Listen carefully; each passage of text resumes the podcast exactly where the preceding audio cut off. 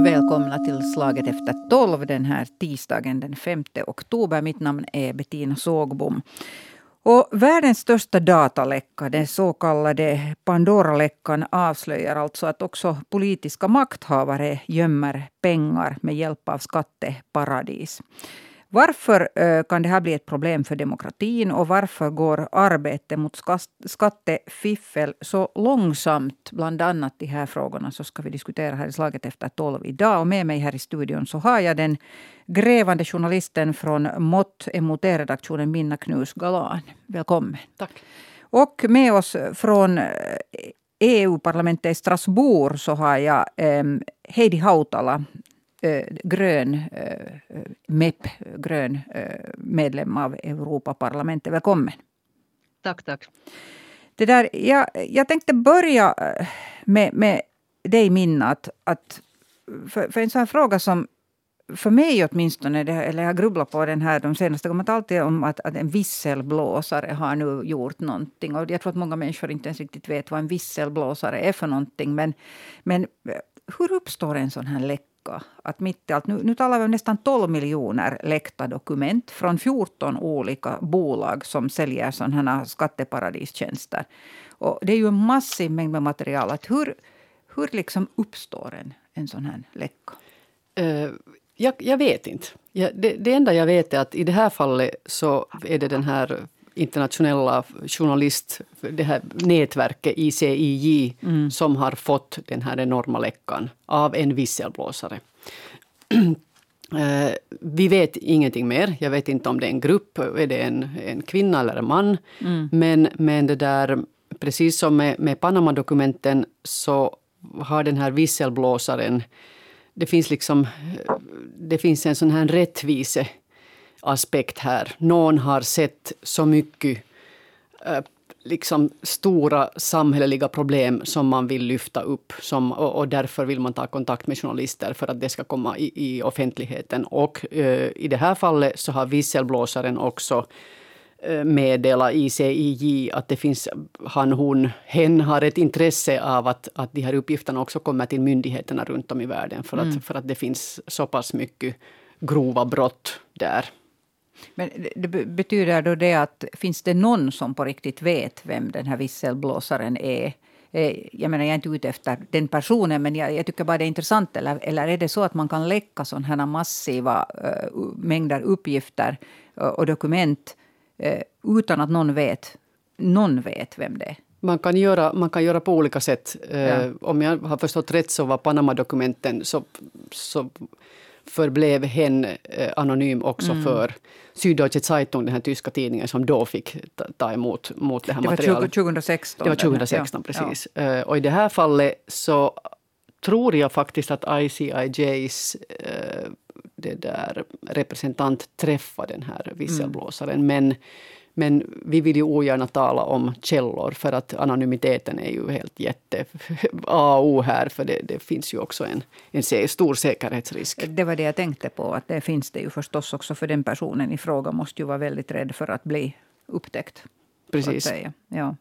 Eh, Heidi Hautala, jag, jag, vet att, att ni har också, ni EU-parlamentariker, diskuterat den här frågan de senaste dagarna. Och, och, vi hade besök här i Finland också igår av, av Ursula von der Leyen som också pratade om det här med att täppa till sådana här skattesmitarhål, eh, eller vad jag ska kalla dem för, eh, före jul tala, talades det om. Man gav till och med en deadline om det här. Men vad, hur har du tagit emot den här läckan, den här senaste massiva läckan?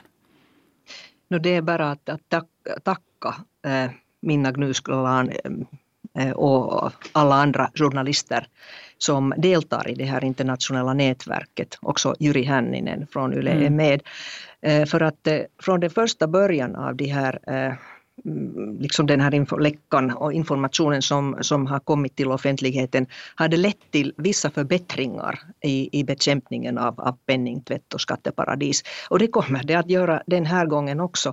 Och för att det gäller liksom den största eh, läckan av, av, så, av sån information någonsin så, så kan jag anta att, att liksom framsteget skulle bli lite större den här gången. Så eh, imorgon kommer Europaparlamentet att diskutera det här med kommissionen och eh, det kan bli intressant att se hur Ursula von der Leyen eller andra kommissionärer reagerar nu. Att eh, kommissionen har ju kommit fram eh, i juli med ett nytt paket mot penningtvätt och terrorismfinansiering. Eh, Så ehm, det gäller att liksom få det här hastigt i, i bruk för, för vanligt folk så kan det te sig så här. Jag, jag roar mig här med att när det här börjar komma ut rubriker om det här Pandora-läckan, att, att titta på tidningars kommentarsfält. Och det här var mycket sån här att, det var ett direkt citat, var det en som kommenterade att ja, ja, förr i tiden skulle man ha västgiljotinen redan, men nu så rycker, rycker folk på axlarna och så och, och säger att jaha, att business as usual och så går de vidare med sina liv. Att, att det finns ju en sån här viss eh, hur ska vi kalla det, någon sorts sån här, ja egentligen en, en oro kanske för att folk tänker att inte det är ändå någon som gör någonting åt det här. Vad, vad tänker ni om det? Vad säger du Minna Knuskolan? Alltså att ingenting, att ni, inte mot er som gräver i det här, men det att det leder inte till någonting sådär på riktigt. No det där, no precis som Heidi Hautala sa, så det har hänt saker. Och, och mm. efter Panama-dokumenten så, så skärptes lagstiftningen till en, till en viss grad. Det som vi tyvärr nu kan se med den nya läckan, att det är inte är tillräckligt. Men, men visst, visst har det gjorts åtgärder och, och automatisk informations man, man får, myndigheterna får information sinsemellan och, och penningtvättlagen har, har um, det där blivit striktare och skärpts. Men, men, det, där, men det finns ännu mycket, mycket att, att göra. Och, och, och det stora problemet och den liksom skandalen i den här läckan tycker jag är ju att här finns så mycket politiker. Mm. Så det berättar ju, det kanske berättar en liksom någonting om varför det är så svårt att få bukt på det här. Och sen är det ju också det här att, att fast EU skulle ta tag i det här så har vi alla andra skatteparadis runt om i världen. Så att, så att om, om vi ökar på transparensen så då, då flyttar ju de här penningtvättarna och bovarna någon annanstans. Att, att det här borde ju vara någonting som görs i hela världen, globalt. Mm. Att, att vill man öppna upp bolagsregister och, och de riktiga, vem som verkligen finns bakom de här skalbolagen, så borde det ju vara globalt. Finns det någon möjlighet eller någon realistisk tanke om att det någon gång skulle kunna vara globalt? Vad, vad säger du, Heidi Hautala? Eh, jo, jag, jag tror nog det. Eh, för att eh, man kan ju anta att, att med Bidens eh, förvaltning i USA så, så kan man nå vissa, vissa framsteg inom eh, eh G7 alltså, och, och OECD. Mm. Så att, att eh, det är faktiskt så att, att vi har en global finansmarknad och vi har en väldigt eh, splittrad eh, lagstiftning. Eh, och EU kan ju vara en ganska, ganska stor kraft här att, att, att nå till slut en sån liksom global reglering. Men det, det, tar tid, det är väldigt komplicerat för att man har inte anat hur många, många liksom, eh, hål det finns eh, i, i, nationella lagstiftningar och även internationella avtal för att kunna liksom, eh, motarbeta skattesmitning och penningtvätt. Och jag tycker att det var viktigt eh, att, att nu liksom får man också fram det att många statsöverhuvuden, ehm, 30 eh, statsministrar, före detta statsministrar, presidenter liksom är inblandade. Och vi har ju vetat ganska länge att, eh, att vissa autokrater som, som Azerbajdzjans Aliyev och eh, eh Kazakstans Nazarbajev, Rysslands Putin framförallt i spetsen. Så att, att de liksom använder pengar att, att liksom köpa västerländska politiker och kanske eh, deras rådgivning. Kanske inte Putin gör det men att han, han, han har andra sätt att, att engagera även en, en, en finländsk före detta statsminister Paavo Lipponen i, i, i Nord Stream, alltså det här liksom gas, gasledningen som, som också gör eh, Europa väldigt sårande, sårande, sårade, sårad, Sårbara. Mm. Sårbar, ja. Så att just det här att, att nu, nu, nu, kan man, nu kan man bättre förstå vad Tony Blair egentligen har gjort. Det har varit bekant ganska länge att, att han är rådgivare till Kazakstans regering. Och, och, han lär ha fått miljoner eh, från det här konsultarbetet som före detta mycket inflytelserik eh, statsminister.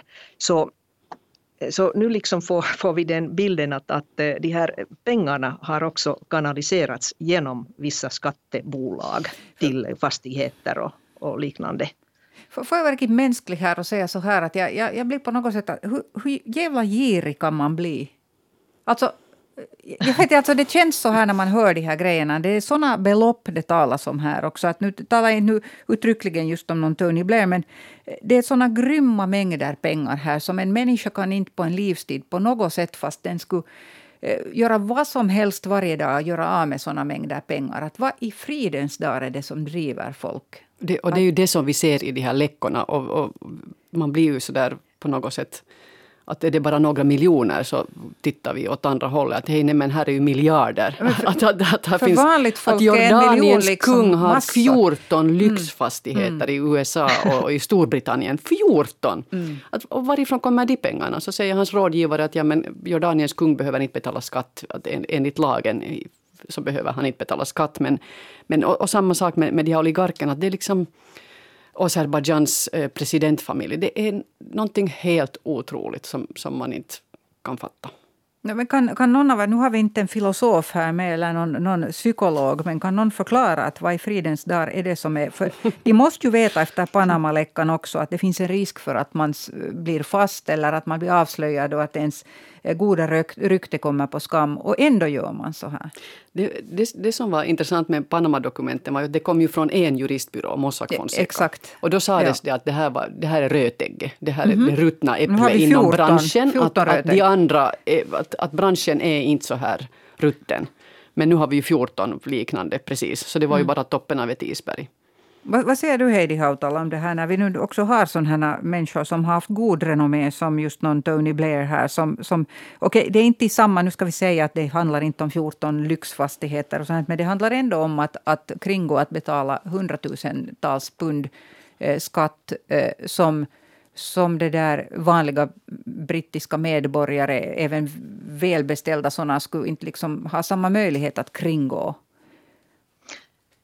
Ja, mm, no, e, e, ett, ett sätt att, eh, att kanske försöka lite redogöra och förklara det att det finns, eh, alltså, alltså de här autokraterna eh, liksom utnyttjar girigheten hos en Tony Blair och någon, någon annan. Men, men mänskligt sett är det väldigt svårt att, att, att förstå och, och, i och med de här läckorna, och jag, jag antar att det kommer ännu fler, så så blir det nog svårare att liksom eh, värna om sitt ryk, goda rykte.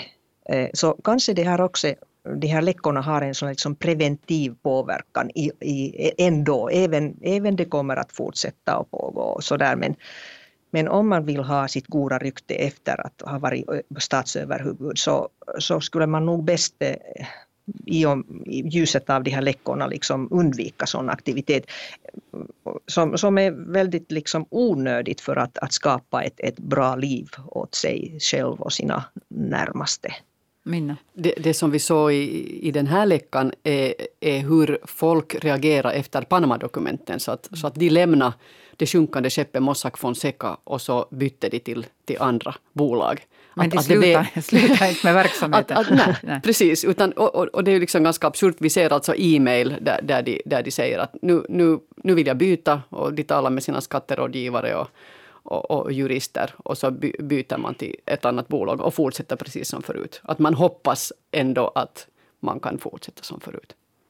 Jag, jag måste säga det, det är nog när vi talar här om att, att 35 stycken stats och regeringschefer, där bland, bland de här så finns det också sådana som uttryckligen har drivit politisk karriär genom att, att uttala sig starkt emot sånt här. Ja, det, det är ju ja. helt absurt att vi, vi har Tjeckiens premiärminister och, och Ukrainas president som mm. blev valda just med, med och förde en, en valkampanj mot korruption i sina länder och för större transparens. Och sen är de ju helt insyltade själva. Så, att, mm. så det, det, är ju en intressant... Till all lycka så, så slutade EU-kommissionen att, att kanalisera och, och rikta EU-stödpengar till, till Babis företag Agrofert.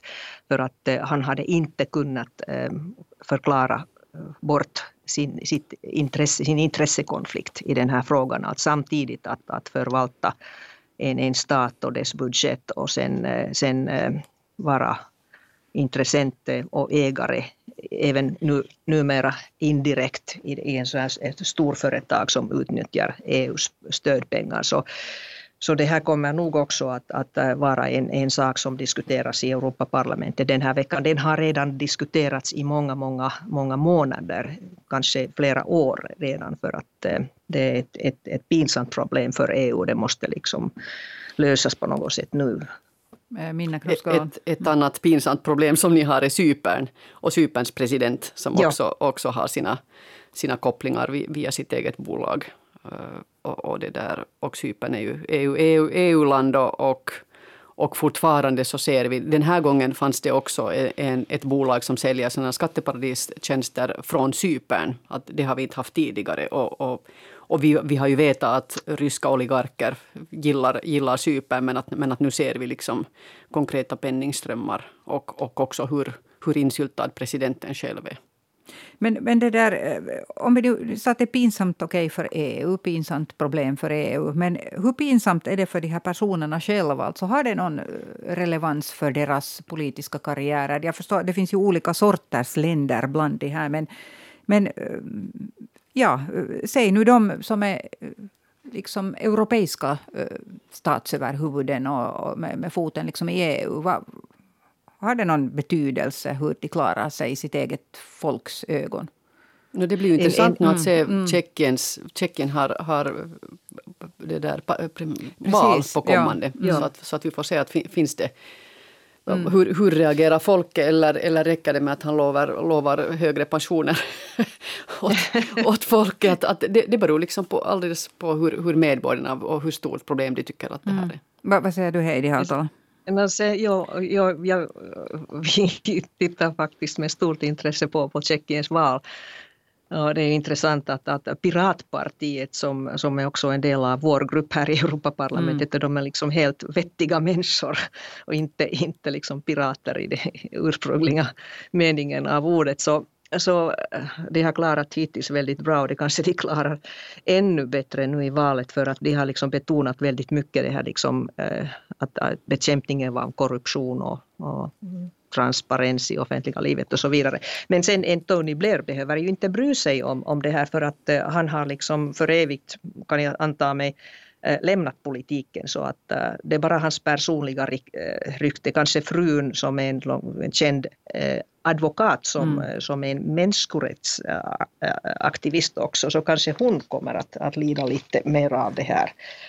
För, för jag måste nog säga att personligen så, så det tar nog ganska på det där Tony Blair därför för att jag hade alltid tänkt att han ändå var en liksom, på något sätt en sån här hygglig kar. Och jag tänker mig, nu är jag riktigt bara en vanlig medborgare när jag säger det här, för jag tror att många människor reagerar på samma sätt. Att de förväntar sig av vissa statsöver, nu vet du Jordaniens eh, kung och så här, äh, men det är klart, sådant gör de ju där. Men så har du någon Tony Blair som eh, dessutom deklarerar sig som djupt troende och, och det där eh, framträder på olika sådana eh, diskussionstillfällen och, och debatter och sånt här och, och, och, pratar om moral och etik och allt sånt här. Och så, eh, på något sätt så känns det så att om han kan göra så här så kan väl vem som helst. Eller? Vad, vad säger du Heidi Hautala? Jag vet inte om du är mm, bekant med Tony Blair men, men det, där, det här, för mig var det liksom en Lite chock. No, jag, jag har nog varit med en gång i ett möte där, där idén var att, att föra honom eh, ihop med en EU-kommissionär för, för något, eh, sam, något projekt eller så liknande. Så, eh, så var jag nu ganska överraskad att, att bli bjuden att liksom vara med i ett sådant möte utan en speciell roll.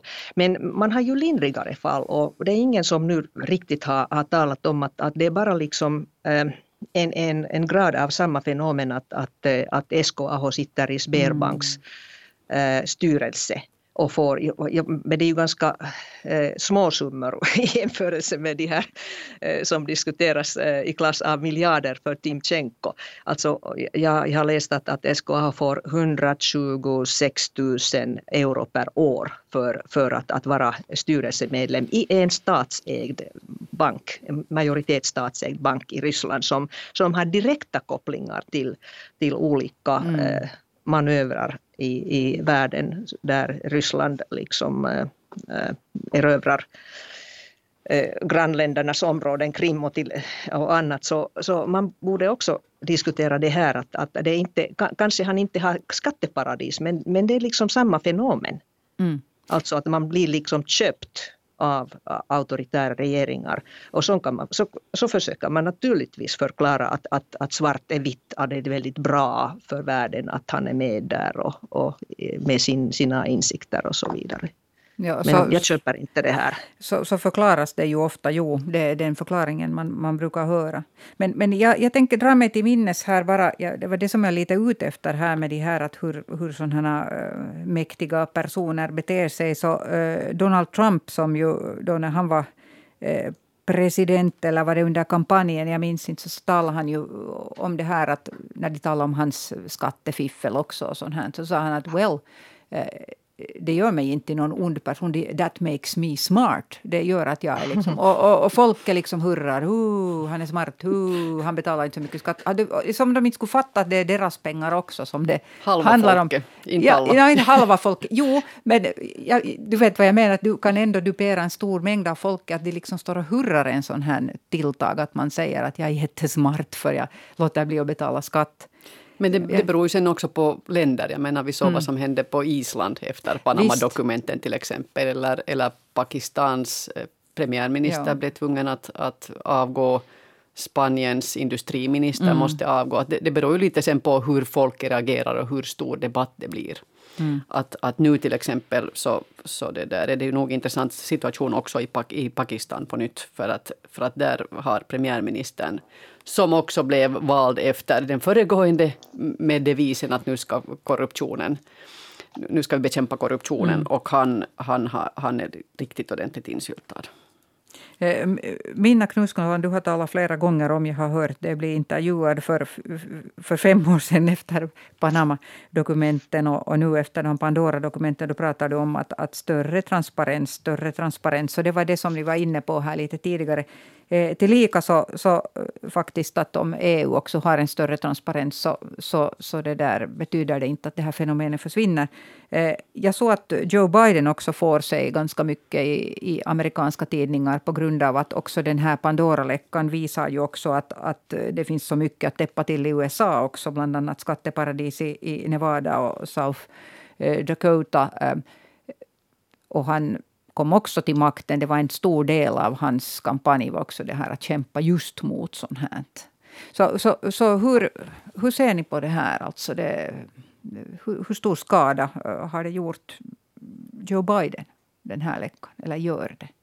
Jag skulle påminna om att eh, det har funnits mycket försök att, att få Delaware, South Dakota och Nevada ja. Eh, på list, svartlistan av, av såna här, vad heter det, alltså länder eller områden som, mm. som är suspekta eller, eller kända av, av sin lagstiftning som främjar skattesmitning. Så, så kanske man har behandlat USA alltför väl i den här frågan för att man antar att det är liksom våra partner i EU. Vem är den här man, just... man du syftar på när du säger att man har behandlat USA för? Uh, EU. Mm.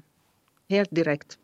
EU har, alltså att, mm. att, att, att, det är lättare att, att tala om, om, om äh, fjärran äh, områden och länder som Panama till mm. exempel, än att tala om Delaware, South Dakota och Nevada som är delstater i USA, alltså vår, vår liksom partner det är helt det sant att, att när vi talar om, när, när, vi använder ordet skatteparadis så tänker vi oss en, en tropisk ö. Men, mm. men i själva verket så är de största skatteparadisen finns i London och i USA. Att, att den största eh, bankskandalen när det gäller penningtvätt, eh, Danske Bank, så där användes det just skalbolag, eh, brittiska skalbolag till mm. exempel. Eh, och att för att bara nämna att, att äm, ännu pinsammare är det att, att det finns ju EU-länder som, som eh, Minna redan nämnde, alltså Cypern och äh, Portugal i viss mån och några andra som, som också har vissa arrangemang som, som främjar skattesmitning. Och sen den här frågan om så, så kallade gyllene pass som, som varit liksom inbjudan för mm. icke-EU-medborgare att, att fritt handla på vår, vår liksom inre marknad, inklusive Finland. Och, och de här liksom också tar roten i, i, i, i de här ryska äh, företagen som har äh, grundats kanske på Cypern. Så, det är en, så, så vitt jag vet så är den här frågan om gyllene pass också fortfarande där. Mm. Jag tänkte i det här sammanhanget, ännu, när vi ännu har, har tid här lite kvar, att, att diskutera Ryssland. För att det, det är ändå eh, största mängden av de här dokumenten i den här Pandora-läckan så berör alltså den största enskilda, eh, där är liksom Ryssland. Och eh, det är ju vår närmsta granne också här i, i, i Finland. Och, och, det där, mm, en sån här fråga att Eh, påverkar det oss direkt på något sätt? Det att så här stor eh, del av inblandningen i sådana här skatteparadis, alltså det, det har rötterna då kört till Ryssland. Har det någon direkt påverkan eller är det för, för oss i Finland? Vad säger du Heidi Hautala? Eh, visst, det har en stor påverkan. Och vi har nog varit ganska blåögda mot de här ishockeyvänner som Gennadij Timchenko eller, eller eh, Rotenbergs familj som har blivit liksom partner till, till Jallis Harkimo som också måste, måste nämnas i det här sammanhanget. Alltså en politiker, affärsman som, som inte liksom undviker eh, sådana här suspekta kontakter. Det, det, eh, jag rekommenderar varmt att, att, för alla att, att läsa Catherine Beltons eh, bok som nu har översatts till finska just då. Hon, hon besökte Finland i förra veckan. Det är ett, en sån helhetsbild hur den här liksom systemet i Ryssland har byggts upp och, och, jag tror att det är också det som, som Minna och, och, och, han, och hennes kollegor har, har kommit fram till att, att det här systemet som, som leder till skatteparadis och penningtvätt eh, och har mycket att göra rysk olja och, och, och gas och har, att, har sin, sin, sin grund i, i liksom redan Sovjettiden för KGBs, alltså hur, hur man har kunnat föra eh, KG, alltså kommunistpartiets eh, förmåner och, och, pengar till västländer så att, eh, som, som fortfarande kontrolleras av Putins inre krets som har en mycket nära, nära knutning till, till FSB och de här säkerhetstjänsterna. Så ja, ja, jag skulle säga att, att vi måste analysera Rysslands påverkan i Finland mycket, mycket grundligare än hittills. Jag rekommenderar precis samma bok. Den är otroligt grundlig eh, och hon går faktiskt tillbaka i tiden till, till, till Sovjet när KGB började använda sådana här otroligt svåra offshore-bolagsnätverk, ja. spindelväv. Att, att de, de var ju nog liksom pionjärer med det. Och det, och det, liksom, det är en, ger en förklaring till varför man har fortsatt och det blir bara allt mer komplicerat. Och det, och det har vi ju sett i, i de här läckorna. Eh, och när du nämner de här, de här våra finska, finsk, finsk-ryska oligarker så, så jo, det är ju sant att som någon har sagt att ja, men det här var ju ingen nyhet, men vi ser ju det att vi kan se detalj, liksom detaljer kring de här olika affärerna är, tycker jag, värdefulla. Mm, liksom värdefull information. Här, här, kan man ju rekommendera också eh, MOTs TV-program där du också, Minna, har spårat pengar. Ja. Du kan ju här passa på att berätta lite mera, och mera om det. Ja, mm. vi, vi koncentrerar oss alltså på, på ryska oligarker som antingen är, är nära, hör till Putins krets, innersta krets eller som är nära FSB. Mm. Eh, det gamla KGB med kopplingar till Finland. För att, för att de här, det här, det är personer som har som har köpt till exempel fastigheter i Finland och har kunnat göra det med hjälp av, av sån här, precis den här som, som Heidi Hautala talade om, om Golden Passport. Uh, han, det var det där Igor Kesaev som, som har köpt ett ett, eh, ett pass från Cypern till exempel. Och då behöver han inte gå igenom den här... Uh, alltså försvarsministeriet ger tillstånd till till exempel ryska medborgare eller medborgare utanför för EU att köpa fastigheter. Mm. Men om man, om man har cypriotiskt pass så behöver, behöver han inte göra det. Så det finns liksom en massa sådana mm. kryphål i, i lagen. Ett, ett, annat exempel som vi tittar på var en, en fastighet, en, en eh, ett jättefint gammalt eh, slott nästan i, i Salo eh, Eh, som ägs av ett skatteparadisbolag där våra myndigheter inte heller vet vem som är den riktiga ägaren. Vilket är viktigt alltid när vi, när vi talar om penningtvätt.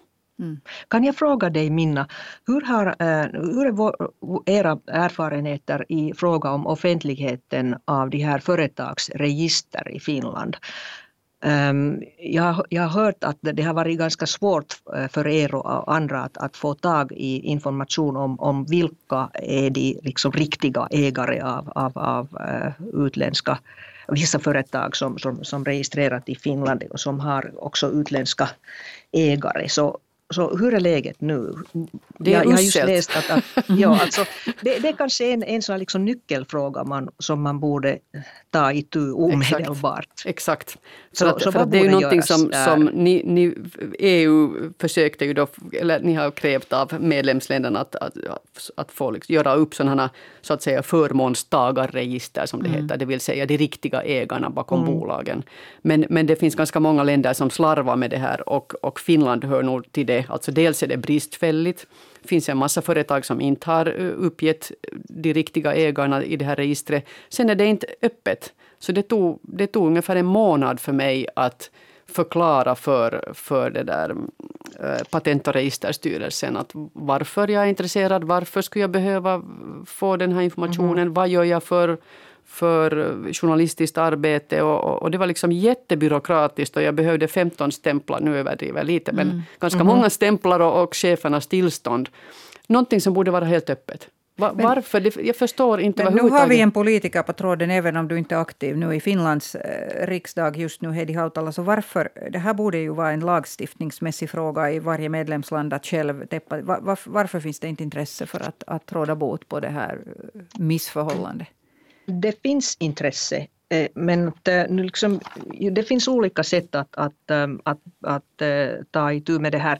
Det finns en sån här EUs eh, Open Data Directive, öppen, alltså direktiv om öppen data som, som borde liksom tillämpas här. Mm. Att, för att den, den lovar att, att, att de här företagsregister skulle öppnas för offentligheten. Och Eh, Eh, den borde ha stiftats in, eh, i, i, i nationell lagstiftning senast eh, juli i år.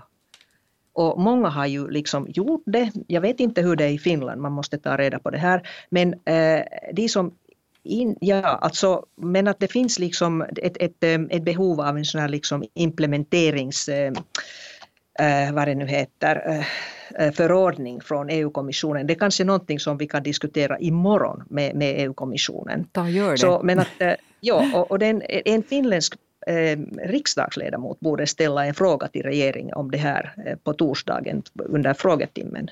Det, det, kan jag rekommendera. Det kan du ju påverka säkert på, på, på, något sätt. Men, men det, där, eh, det andra jag skulle vilja ställa fråga till dig här är att nu har vi då nämnt och, och det där Minna har nämnt eh, det här möjligheten med att köpa cypriotiskt pass till exempel. Sånt här borde väl EU eh, inom sig kunna förutsätta medlemsländerna att liksom helt enkelt upphör Jo, jag kommer ihåg en, en debatt i, i Europaparlamentets mm. plenisal där, där eh, kommissions jag tror, vice ordförande då Vera Jourova eh, förresten för, från Tjeckien, så, så hon lovade att, att, eh, att, att hon kommer att, att, att, att eh, eh, behandla den här frågan. Mm, men så vitt jag vet så, så har ju inte Cypern eh, gett upp det här och andra länder. Men mm. att, det finns väldigt många möjligheter nu att, att liksom i, då man, man fått den här stora läckan, eh, Pandora, så, så att liksom analysera eh, vilka olika åtgärder som behövs. Så, så att eh, det är nog inte brist på arbetet just nu. Så man kan lugnt säga att man har anledning, eller vi har anledning att återkomma till den här frågan. Att, att, att du säger nu och, och lovar att den här frågan kommer att eh, väcka mycket debatt inom EU och hoppeligen också leda till, leda till konkreta åtgärder. Visst. Ja. Eh, problemet är ofta att, att eh, EU-parlamentet är kanske den aktivaste här. Eh, sen kommissionen lovar göra en del. Men mm. sen är det så att, att det här är frågor som är mycket liksom i, i liksom medlemsländernas alltså kompetens. Så mm. många frågor liksom, liksom stoppar där. Ja, man behöver båda För två. att det finns olika nationella intressen. Och så, så, så lider alla från, från Cyperns eh, gyllene pass. Så, så verkar det ju faktiskt. Jo. Många intressen. Eh, Pandora-läckan har vi diskuterat här idag tillsammans med grävande journalisten från eh, Yles MOT-redaktion Minna Knus Galan och med EU-parlamentariker Heidi Hautala, eh, De gröna. Eh, tack för att ni deltog här idag. Vi får se vad som händer och vi har helt säkert anledning att återkomma till ämnet. Eh, tack Heidi, ha en god fortsättning på dagen. Tack Minna. Tack, tack, tack. Och det där, imorgon är ny debatt, samma tid, samma kanal. Eh, mitt namn är Bettina Sågbom.